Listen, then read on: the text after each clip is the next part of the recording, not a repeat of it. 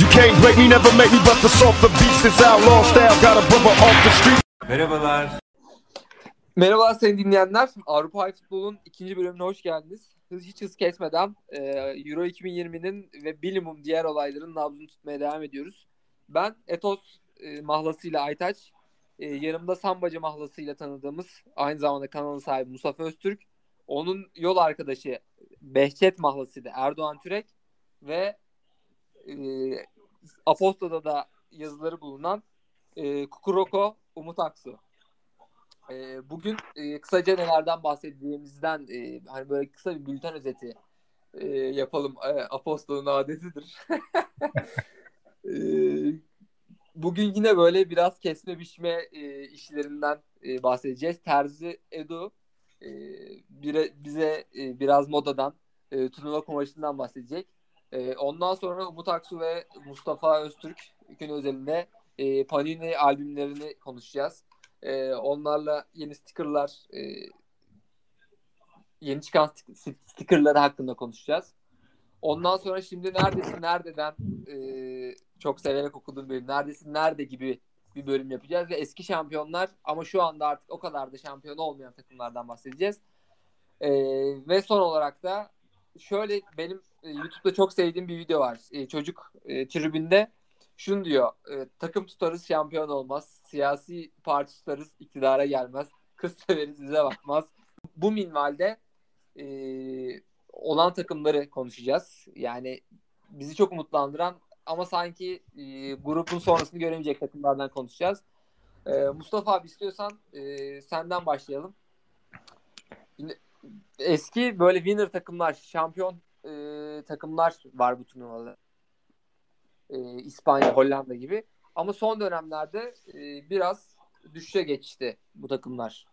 E, senin gözlemlediğin var mı? Senin gözlemlerin ne, ne yönde? Tabii Aytaç'cığım hemen bahsedelim bu takımlardan. Yani zaten İspanya'yı geçen programda şu şekilde bahsetmiştik. Herkes kabulleniyor İspanya'nın seviye düşürdüğünü. Artık biraz daha başarı kovalayan, başarı kazanırsa biraz sürpriz olacak bir takım olarak ilerlediğini. E, aynı şey biraz Almanya için de bence geçerli olacak bu turnuvayla birlikte. Ama kanında hala şampiyonluk DNA'sı akan bir Fransa var. Yani ben biraz onu gündeme getirmek istiyorum. Ya orta sahası bence turnuvanın en önemli orta sahası. İşte Kante, Pogba, Rabiot, alternatifleri bir sürü Tolisso'lar vesaireler. E, Fransa bence Portekiz'le birlikte benim şahsımın görüşüm. E, en büyük adayı olacak turnuvanın. E, ki bu jenerasyon hani bu şampiyona belki bir sonraki Dünya Kupası devam ederek bu başı oynamayı sağlayacaklar. Bu da hani çok görülmüş bir şey değil tarihte. 4 ve 3-4 tur, turnuva üst üste e, favori gösterilmek vesaire aşırı zor bir şey yani Erdoğan'cığım. Sen ne diyorsun Fransa'nın bu durumuna? Abi Fransa zaten favori geldi turnuvaya ve Fransa'nın hani insanlar şimdi bir yıllık pandemi arasından sonra unuttu aslında Fransa'yı da. Fransa 2018 yılında şampiyon olduğunda Didier Deschamps'la birlikte bütün takımın e, Fransa'ya geldiğinde Pogba'nın eline mikrofon herkesin hep birazdan N'Golo Kante la la la la la dediği Fransa hala bu Fransa. Yani hiçbir şey değişmedi. Ne eksildi ne bir şey. Yani yine Antoine Griezmann. Artı var hatta Benzema var yani üstüne. Ha, Benzema var üstüne bir de. Çok büyük bir faktör bu arada Benzema. Yani Şu Benzema'da ne buluyorsunuz anlamıyorum ya. Bu ne oğlum? leblebi ya. Gerçekten. Leblebici adam. Yani Abi Ciro'yu Yani mu oynatalım tipinde- yerine? tipinde o meymenet yok abi. Yani o futbol futbolcu demezsin yani. Ne bileyim bu birazcık Doncic'te de var böyle. Basketçi görünümlü değil adam. Böyle hantal hantal ne iş yapıyor bu sahanın içinde diyorsun abi. Bir bakıyorsun adam maçı almış sonra. Benzema da o oyunculardan biri bence. Bu kategoriyi de ileride konuşabiliriz diye düşünüyorum. Ee, ve sözü tekrardan sana devrediyorum Mustafa. Yani Benzema bir şut çeksin kardeşim. Geç kaleye. Gör bakalım topu.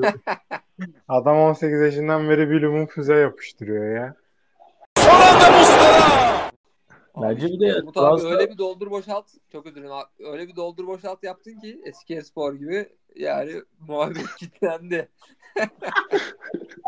Hayır, Benzema Çıkarma yaptık Aytaş. Ya Fransa'nın kadrosunu Erdoğan sen Fransa'nın kadrosu şu an bir de şey de var yani Türkiye'ye müstakbel gelecek oyuncular da mevcut bence yani. Burada işte Karim Benzema da ismini geçirdik hala inanılmaz bir pik döneminde olmasına rağmen ileride kesin Türkiye'ye gelecek bence. İslami durumlarından dolayı özellikle Galatasaray sever böyle böyle bedevi oyuncuları almayı. Benzema da bence 35'inde falan gelecek Türkiye. Hatta Olivier Giroud'un da adı çok geçiyordu ama daha yeni 2 yıllık kontrat uzattı. Ee, ben Fransa'da Antoine Griezmann unutulup bayağı takımı sırtlayacağını düşünüyorum bu arada. Antoine Griezmann tam e, turnuva kumaşı olan oyunculardan bence. Çünkü Barcelona Kesinlikle kariyeri katılıyorum Erdo. o kadar o kadar bir şey yoktu Barcelona kariyerinde falan ama Fransa milli takımında turnuvalarda çok öttüren bir oyuncu yani. Musa Sissoko da mesela e, yaşı gereği ve tecrübesi gereği bence orta sahada görev aldığında N'Golo Kante ile beraber geçilmez bir orta saha yaratacaklar. Fransa finalist ya.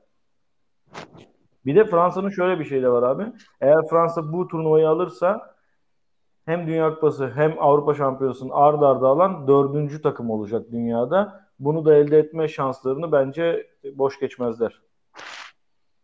Bence de yani çok e, değerli bir olay. Bu sene de ben bir benzerini Sergen Hocam, Sergen Yalçın çift kupayla e, yaptı. Aynısı hatta diyebiliriz bence. Aynı. Aynı paralel. Ee, ben şeyi çok merak ediyorum abi şimdi. Almanya milli takım e, teknik direktörü Joachim Löw. Şimdi son yıllarda artık bırakacağım dedi. E, yerine yerine boşluğu kim dolduracak? E, Fenerbahçe e, Başkan Ali Koç dedi ki Almanya Portekiz ekolü dedi. Amca yeğen modeli e, yapmak Yani istiyorum dedi Fenerbahçe'ye. Ali Koç- gelir mi? Ali Koç öyle bir şey verdi ki Alman Portekiz ekolü 55 tane menajer var şu an öyle boşta. İnanılmaz karıştı o. Hiçbir şey demese daha az isim çıkardı belki yani. Çok zor o. Oradan çıkmaz bulamayacaklar. Yani bence Ali Koç da bilmeden öyle boş attı. Biraz hype isimlere yönelilsin diye. Abi Almanya'da şöyledir sistem. Sezon bitmeden 5-6 ay önce bir sonraki sezon kim teknik direktör olacak? Altyapının başına kim geçecek? Takımın CEO'su kim olacak? Hepsi bellidir. Oliver Kahn geçen seneden belliydi Bayern Münih'in CEO'su olacağı. Yani sözleşmesi bitince o olacak. Altta bir görev aldı. O yüzden her şey belli. Bayern Münih'in son yıllarda büyük başarılar kazandıran hocası Hansi Flick Joachim Löw yerine geliyor. Joachim Löw de Antalya taraflarında 5 yıldızlı bir otele geliyor abi bir ay. Kafasını dinliyor. Sonra bakar. Ama ben çalıştıracağını düşünmüyorum bir takım. Biraz torun tombalak sevsin o da yani yıllardır adamın saçlarına aklar düştü boya masrafından helak oldu bence yani birazcık kafasını dinlesin. Ama Hansi bence Almanya'yı tekrar diriltebilir ama bence bir turnuvaya daha ihtiyaçları olacak eski günlere dönmek için.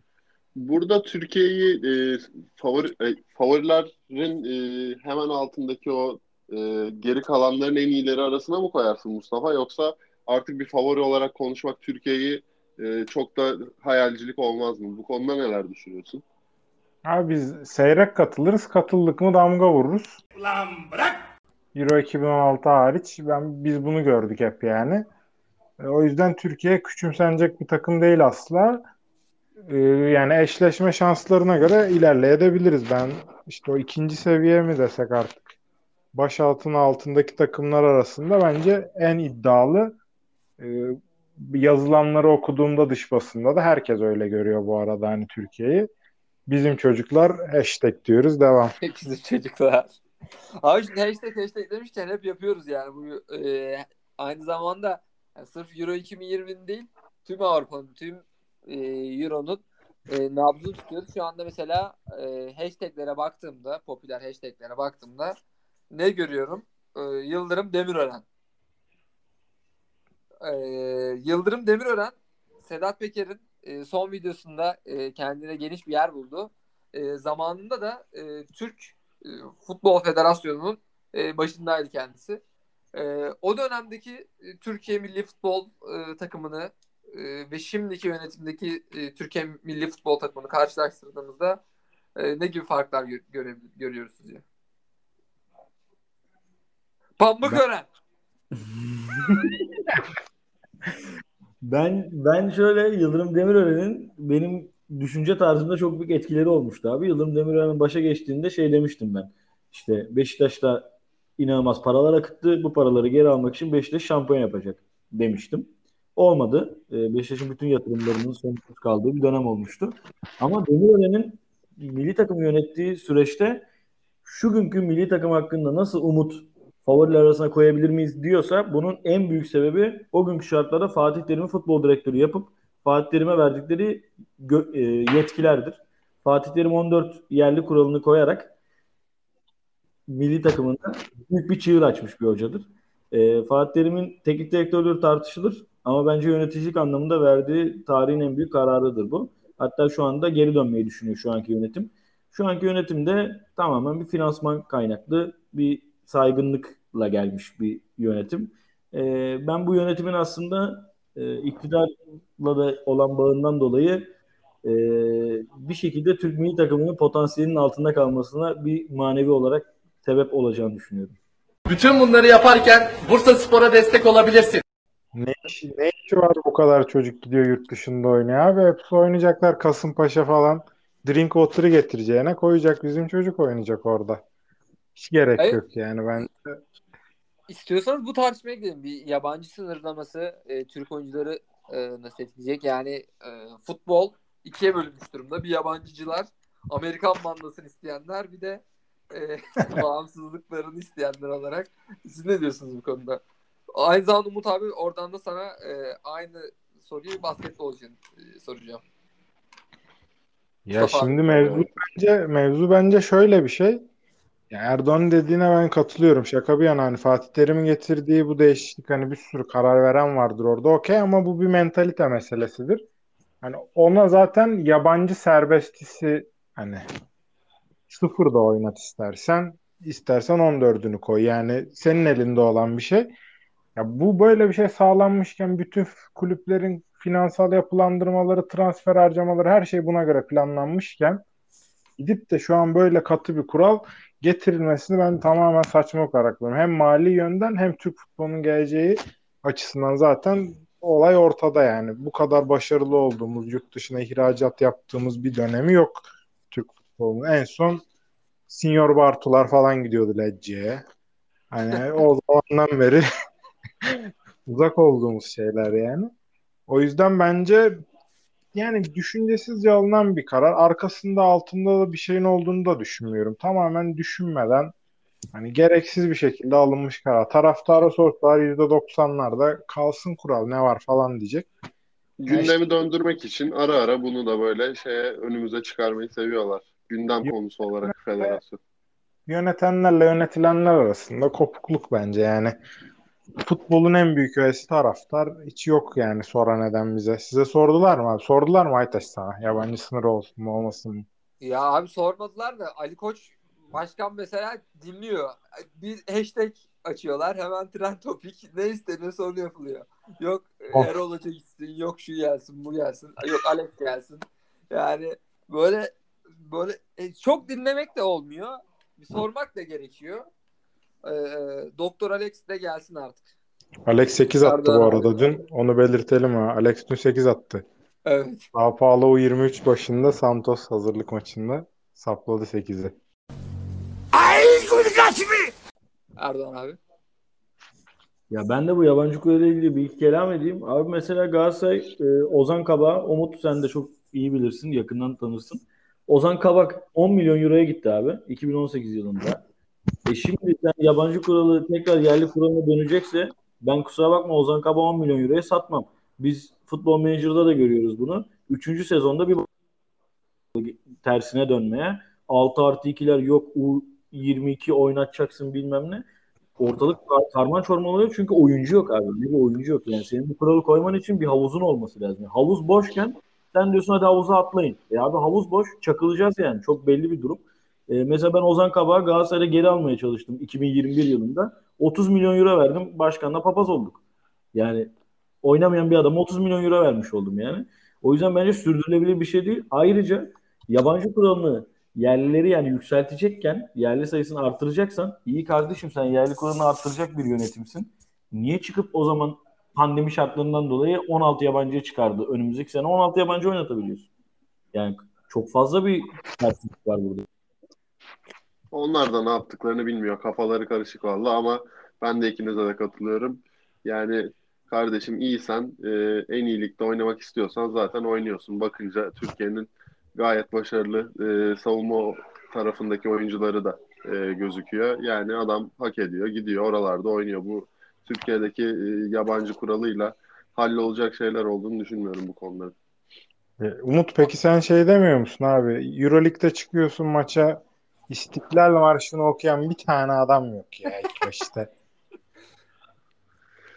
Yani e, son dönemde özellikle son 3 ayda e, milli gururumuz Sertaç'ı aslında gördük. E, kendisi Euroleague'de gerçekten şu an e, aranan bir isim haline bile gelmiş olabilir bence. E, onlarda da yani aynı şekilde e, ne yazık ki e, ülkemize gelen antrenörler daha çok Sırp oyunculara yatırım yapma tercih ettiği için böyle bir e, profil gözüktü. Ama yani e, yeri geldiğinde de Türkler de gayet adapte olup e, gerekeni yapabiliyor. Cediler, Furkanlar e, bunlara güzel örnekler olmuştu. Şimdisinde de yine Sertaç'ın şu an e, Final Four'da e, yarı final maçında röportajda menajerin yoksa olabilir miyim e, sorusun, sorusunu alması bile yani gerçekten bir Türk açısından gurur vericiydi bence. E, yine katılmıyorum yani bence basketbolda da yabancı sınırının olması saçma yani. E, ligin de kalitesi artıyor. Daha iyi oyuncularla oynama fırsatı buluyor aslında Türklerimiz burada. E, ve bu sayede gel, kendilerini geliştirme imkanı sağlıyorlar. Şimdi sen Sertaç'ı abuk subuk bir takıma koysan bu kadar parlar mı yani? O pası Shane Larkin atıyor, Vasilya Misic atıyor. O, o oraya git diyor, bu buraya git diyor. Spacing'i ayarlıyor, doğru yerlere gidiyor. Yani e, iyi oyuncularla beraber e, daha iyi olacağımızı düşünüyorum. O yüzden e, gündemi oyalamak için e, saçma bir kural olduğunu düşünüyorum. Abi Yabancı kuralın. milli takımımızın kaptanı Melih Mahmutoğlu İstiklal Marşı'nı okudu. Maça çıktı. Maçta yani mahvoldu Fenerbahçe. Rezil rüsva oldu. Sonra Singleton'a gitti yumruk salladı abi. Böyle milli marş okuyan adamı ne yapacaksın yani? Hiçbir şey yoktu ortada. Gitti yumruk salladı abi adam. Neymiş? Kırmızı pasaportu varmış. Ya yapma. Bordo pasaportla olmuyor bu işler yani. Lan öyle mi yaptın filan bir bakarsın bu arada tak yürür. Vallahi ikinizin de dediklerine aslında katılıyorum. Ben de son dönemler hep böyle işte başarılı olan Türk sporcuların röportajlarını, yazılarını okuduğumda bir şey söylüyorlar. Bana fırsat geldiğinde hazır olmam lazım. Bunu biliyorum. Onun bilincinde oluyorum diyeyim. Bu konuyu da Aytaç'cığım böyle paslayalım sana. Evet abi ben de şimdi Ozan Kabak'tan bahsettik. Çok acı bir gerçekten bahsedeceğim. Şimdi Ozan Kabak transfer olduğunda abi euro 4.50 liraymış. Yani 45 milyon Türk lirası. Şimdi ne kadar? Şimdi yollasaydık 10.55. Artık füze mi yağdı? Bir griz mi oldu? Ne oldu? Abi iki buçuk katına çıktı. Ozan Kabak şimdi satsak vallahi e, 150 milyon dolara satmış oluyorduk. Şimdi biraz da neydi abi bu ekonomi, pro, ekonomi profesörünün adı YouTube'da e, Özdemir Özgür Demirtaş hocam? Özgür Demirtaş'lık yapayım bir de. Şimdi mesela abi biz sattık şeyi Ozan Kaba 45 milyon dolara. O sırada hemen 2018'de şak alsak Bitcoin'i 50 bin liradan. Sonra şak satsak abi 450 bin TL'den. Ozan Kabak alırdık. Ronaldo Messi, Ronaldinho'yu tekrar topa başlatırdık. Ya bizde de yönetim anlayışı bu kadar galiba yani. Böyle Biz de fan token. Fan token yapıyoruz kardeşim o da iyi. Evet, SS, SS, Eskişehir Spor'un var SS Token. Evet Aytaç sen biriktiriyorsun diye duymuştum. Yani SS Token'den e, vallahi iyi kar yaptım. Mining var mı kanka? Mining böyle forma yıkayalım SS'in. Bize SS token versin da. Orada o İlker mining abi. Harbi bir mine'a gitmen gerekiyor. Age of'taki gibi. Madenci. Yaparım. Tam o kafa. Eti bor madende çıkarman gerekiyor. Token için. Vallahi ama Allah razı olsun tokenden iyi kar ettik abi. Paramızı katladık. Canımda bir çiğ börek çekti Aytaç ya. Ben çiğ börek söyleyeceğim bir kendime şimdi. Vallahi güzel olur. Ee, bu program Papağan Çiğ Börek sponsorluğunda gerçekleşmemektedir. Ee, abi, Papağan evet, çiğ börekte SS token geçiyor mu Aytaç? Abi şu an daha e, piyasaya girmemiş. E, o yüzden böyle riskli olduğunu, yalnızca sanal bir yatırım olduğunu söylüyorlar. E, ama Yılmaz Büyükerçin hocamız buradan selamlar. E, ekonomi işletme profesörü e, kendisi. E, bu konuda kesinlikle bir şey yapacağını e, düşünüyorum. E, bu program e, Kalabak Su sponsorluğunda gerçekleşmemektedir. E, abi isterseniz e, bahsettik. Vallahi en son nerede kaldınız ben de unuttum. E, turnuva borsasından e, bahsedelim. Değeri mesela geçmiş yıllara göre e, bu turnuvada çok düşen e, oyuncular. E, Mustafa abi. Yani mesela bir Transfermarkt e, araştırması e, gibi bir konu. Abi şimdi şöyle miadını doldurmaya yakın gelip burada tecrübeli veteran sınıfında olan oyuncular var. Mesela Luka Modric, Gareth Bale gibi oyuncular artık muhtemelen son turnuvalarını oynuyorlar. Hatta Gareth Bale bırakacağını falan da söyledi. Onun için biliyorsunuz Galler Golf, Real Madrid. Yani işte Galler Golf emeklilik artık herhalde. Ee, ya bu gibi futbolcuların tabii değeri düştü. Hani hepimizin belli büyük turnuvalarda izlediği, başarılı işler yapmış oyuncular. Ee, herkes ya çoğu takımın şu an ben bir yenilenmeye gittiğini görüyorum. Yani futbol bayağı bir değişiyor şu an. Ee, hani Ronaldo tabii buna aykırı bir örnek. Adam 170 küsur milli maçı var. Yanlışsam düzeltin. Ee, 36 yaşında ve bırakacak gibi de durmuyor aslında. Hani LeBron kralımız mesela düştü 36 yaşında bir tökezledi ama Ronaldo'da öyle bir şey de göremedik. Yani fiziksel olarak özellikle. E, bu gibi oyuncuların tabii değeri düşerken bir yandan da aslında bu borsada değerini arttıran oyuncular olacak bence bu turnuva. E, ben bu açıdan İngiltere milli takımından bu isimlerin çıkacağını düşünüyorum. Çünkü İngiltere jenerasyonu belli bir süredir pişen bu turnuvaya da, da patlamaya hazır oyuncular içeriyor. Bir tanesi Jack Grealish, bir tanesi de Declan Rice. Bu iki oyuncunun ben bu turnuvada patlama yaptı. Zaten pek çok söylenti de var. E, Premier Lig'in e, işte ilk altısında hatta bence hani City'ye falan bile gidebilir. ikisi de çok rahat adapte olurlar. Transfer yapacağını düşünüyorum. Ya burada İngiltere kesinlikle prim yapacak bir kadroya sahip. Ee, ben de burada biraz şeye baktım. Ee, transfer söylentisi olan ve e, Euro 2020'de boy gösterecek oyuncular. Mesela bunların en gözdesi Harry Kane. Harry Kane yüksek ihtimalle Tottenham kariyerine son verecek. Burada e, en başta gelen takım da Chelsea. E, Real Madrid'le bir ara ismi geçti ama bence Harry Kane çıkıp mesela turnuvayı 7-8 golle kapatırsa falan hani herkesin iştahı kabarabilir burada. Ve şu anki piyasa değeri de e, Yanlış hatırlamıyorsam 140 milyon dolardı. Mesela ve bu da onun transfer için en büyük problemdi. Evet şu an 120 milyon euro gözüküyor şeyde e, transfer markta. Yani bilmiyorum ben yani euro 2020 bittikten sonra 150-160'ları bulabilir bence. Çünkü çok iyi bir İngiltere takımı var ve onun baş golcüsü o. E, o çok iyi olabilir. E, burada yara alacak oyuncular da var dediğin gibi. Mesela Matias Delik. Yani yine olmadı diyeceğiz bence sonunda yani. Şu an mesela 90 falan yazıyor. Ya 50-60'a çekerler bunu yani. Çünkü sağlıklı bir durum değil. Ama burada bir isimden bahsetmek istiyorum. Umut'a da burada bir pas atmak istiyorum. Marcos Llorente. E, Llorente 26 yaşında Atletico Madrid'de orta saha oynayan bir oyuncu. E, çok da güzel bir kariyer planlaması yapıyor kendine. E, Umut sen böyle garip hareketleri seven bir arkadaşımızsın. E, ben biraz araştırdım abi. Marcos Llorente'nin iki tane e, restoranı varmış. E, hiçbir şekilde e, işlenmiş gıda yemiyor. Mandıra ve bakliyat ürünleri tüketmiyormuş. Alkol ve işte sigara hiçbir şey tütün tüketmiyormuş. E, ve 35 bin euro değerinde bir yatakta uyuyormuş abi bu adam. Sen bu tarz triplere nasıl yaklaşıyorsun?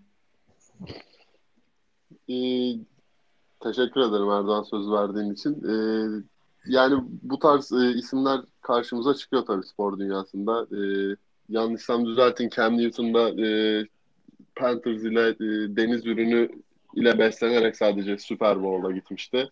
E, bu tarz e, beslenme rejimleri, diyetler e, sporcuların konsantrasyonunu arttırmasında etkili olduğunu düşünüyorum. Yani en azından bir şeye inanıp, bir şeye takip edip, e, bir şeye dedike olmak. Yani bu full ben sağlıksız besleneceğim dese bile yani o bir, bir şeylerin arkasından düzeni oturtma açısından faydalı olduğunu düşünüyorum.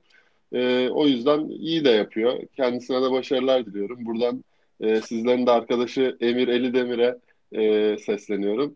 E, kendisi e, ilgili arkadaşımızın restoranlarında e, şey çalışma adına da bence e, şey MasterChef e, üçüncülüğüyle birlikte e, iyi bir aday olabileceğini düşünüyorum. Ben hakkını yendiğini düşünüyorum Emir Ali Demir'in. Kesinlikle. Şu an Arda Turan'ın da hakkını yedik ama abi. Adam Barcelona'larda oynadı. Hiç ne 35 bin lira yataklarda yattı.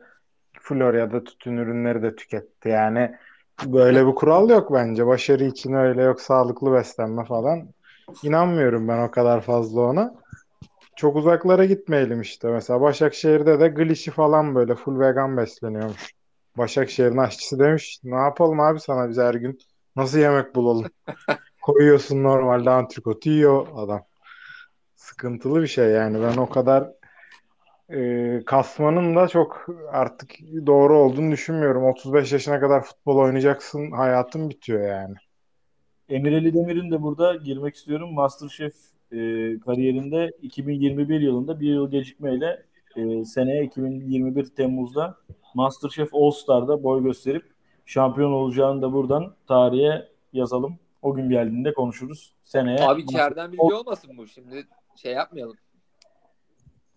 yani All Star olacağını herhalde bütün Türkiye biliyordur yani. Acun Ilıcalı'nın tutan programlara All Star çekme gibi bir adabı var. Ares yüzden- Bilgi Official'dan aldık bunu. Hemen alta alt bant geçelim. Bizden değil.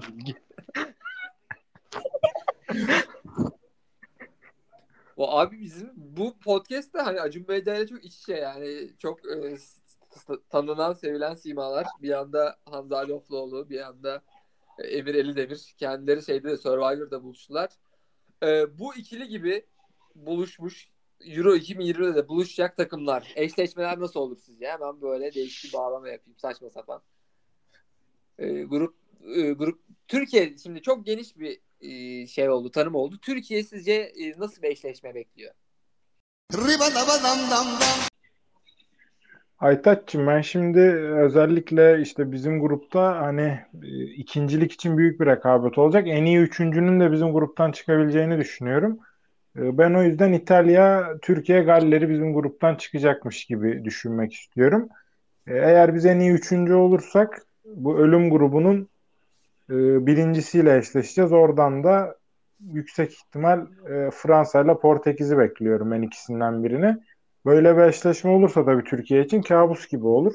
Yani gruptan çıktığımızda sevinemeden muhtemelen hani karalar bağlarız ama Fransa'yı yenmedik mi önceden yendik. Kaan Ayhan'ımız var mı cephanede var. Fransa'nın kocası.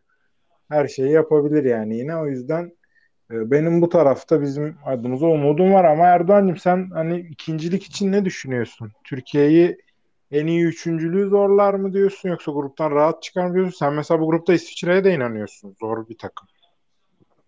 Yani abi ben İsviçre'nin kadrosunu inceledim de ya iyi adamlar var ya en azından ilk 11 olarak çok iyiler. Belki hani yedek kulübesi eleştirilebilir ama ilk 11 olarak bence iyi bir takım. Ee, sanki böyle İsviçre maçında böyle bir kenardan bir Şenol Güneş'ten Fatih Terim taktiği bekliyorum ben böyle hani Şifo'ya bir gösterme yürüyün tarzı bir saldırın tarzı bir ifade yapması gerekiyor bence. Yani tekme tokat olmasa da en azından bir ısırma yani Şakir'i falan garip topçu yani. Bir de bir, Şakir de mesela turnuva kumaşı olan topçulardan. Ligde çok bir şey yapmasa da yani 90 artıda bir frikik kullanır. Yorabilir bizi. Ee, Türkiye en iyi üçüncü olarak çıkacak gibi duruyor bence. Sonradan açılacak yani. İşte sonra Fransa, Portekiz o gruptan nasıl bir paçayı kurtarabilir miyiz? O ölüm grubundan çıkanla eşleşeceğiz. Vallahi Ronaldo yine son şampiyonunun finalinde olduğu gibi 10. dakika sakatlanıp ağlayarak çıkarsa eleriz Portekiz'i. Abi eşleşmeler e, konusunda yorumlarınız buysa tam tur, turnuva kumaşı dedik, moda dedik. E, Mustafa abinin bir hikayesi var. E, Mustafa abi seviyor hikaye anlatmayı. E, İsviçre'nin forma hikayesi e, nedir abi? Formasındaki yatan simgesel. E, böyle Sedat Peker'in masası gibi abi. Formaları tek tek analiz ediyorsun. İsviçre'de yine derin anlamlar var abi. İsviçre e, birçok dilin konuşulduğu bildiğiniz gibi işte Fransızcası, İtalyancası, Almancası Bir de işte galiba göçmenlerin konuştuğu bir dil varmış. Dört tane dil var. Bunu resmi olarak kabul ediyorlar. Nike da düşünüyor. Bayağı uzun saatler düşünüyor bu formaya ne yapalım. Diyorlar ki biz bu dilleri temsil eden birer renk atalım üstüne çizgi. Sonra bunu da deplasman forması diye giydiririz 2020'de. Hakikaten de böyle oluyor. İsviçre'nin deplasman forması işte ülkedeki resmi dillerin sembolik çizgilerle gösterildiği bir anlam ifade ediyor. Ya yine Nike'a helal olsun. Yapmış yani. Kapitalizmi bugünlere getiren en büyük şirketlerden yine yapmış yapacağını diyorum. Başka bir şey diyemiyorum yani. Vallahi abi sen bu hikayeyi anlatırken aklımda şu resim canlandı. Bu hep biliriz ya 23 Nisan'da böyle 70 ya 50 plus teyzeler paylaşır. Çocuklar böyle daire oluşturmuş. Renk renk çocuklar. Ortada da işte 23 Nisan kutlu olsun. Tarzı görsen. Ee, tam e, o tarz bir forma olmuş bence.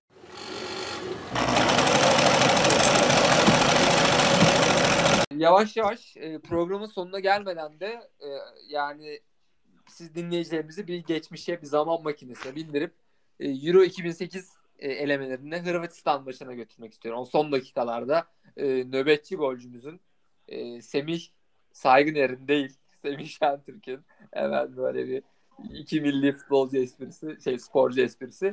E, evet Mustafa Öztürk bizi 2008'e götürüyor. Abi geçen geçen bölüm anlattık o Petrçe bir şeyler oldu elinden kaçırdı o topu. Kaldı bizim Nihat'ın önünde gruptan çıktık. Şimdi rakip Hırvatlar daha zor. Ee, ma- ne yazık ki işte uzatmalarda Rüştü çıkıyor. Ee, Volkan'ın malum olaylarını biliyorsunuz. Onları anlatmıyorum. Onlar çok klişe çünkü. Yani onları anlatmaya hiç gerek yok. Yok işte doldu oyuncu Kötü anları Yani unutursun Mustafa zaten. Onlara hiç gerek yok. Rüştü Doldu. açılıyor işte. Rüştü açılıyor ceza sahasının işte çaprazına. Oradan orta açılıyor. Golü yiyoruz gerideyiz. Sonra bir an var orada çok önemli. Emre Aşık bakıyor Fatih Terim'in gözlerinin içine. Gideyim mi diyor. Git diyor hocam da Emre Aşık'a. Gidiyor ceza alanı yayında. Ne yapacağını bilmiyor ama ortalığı karıştırayım diye bakıyor.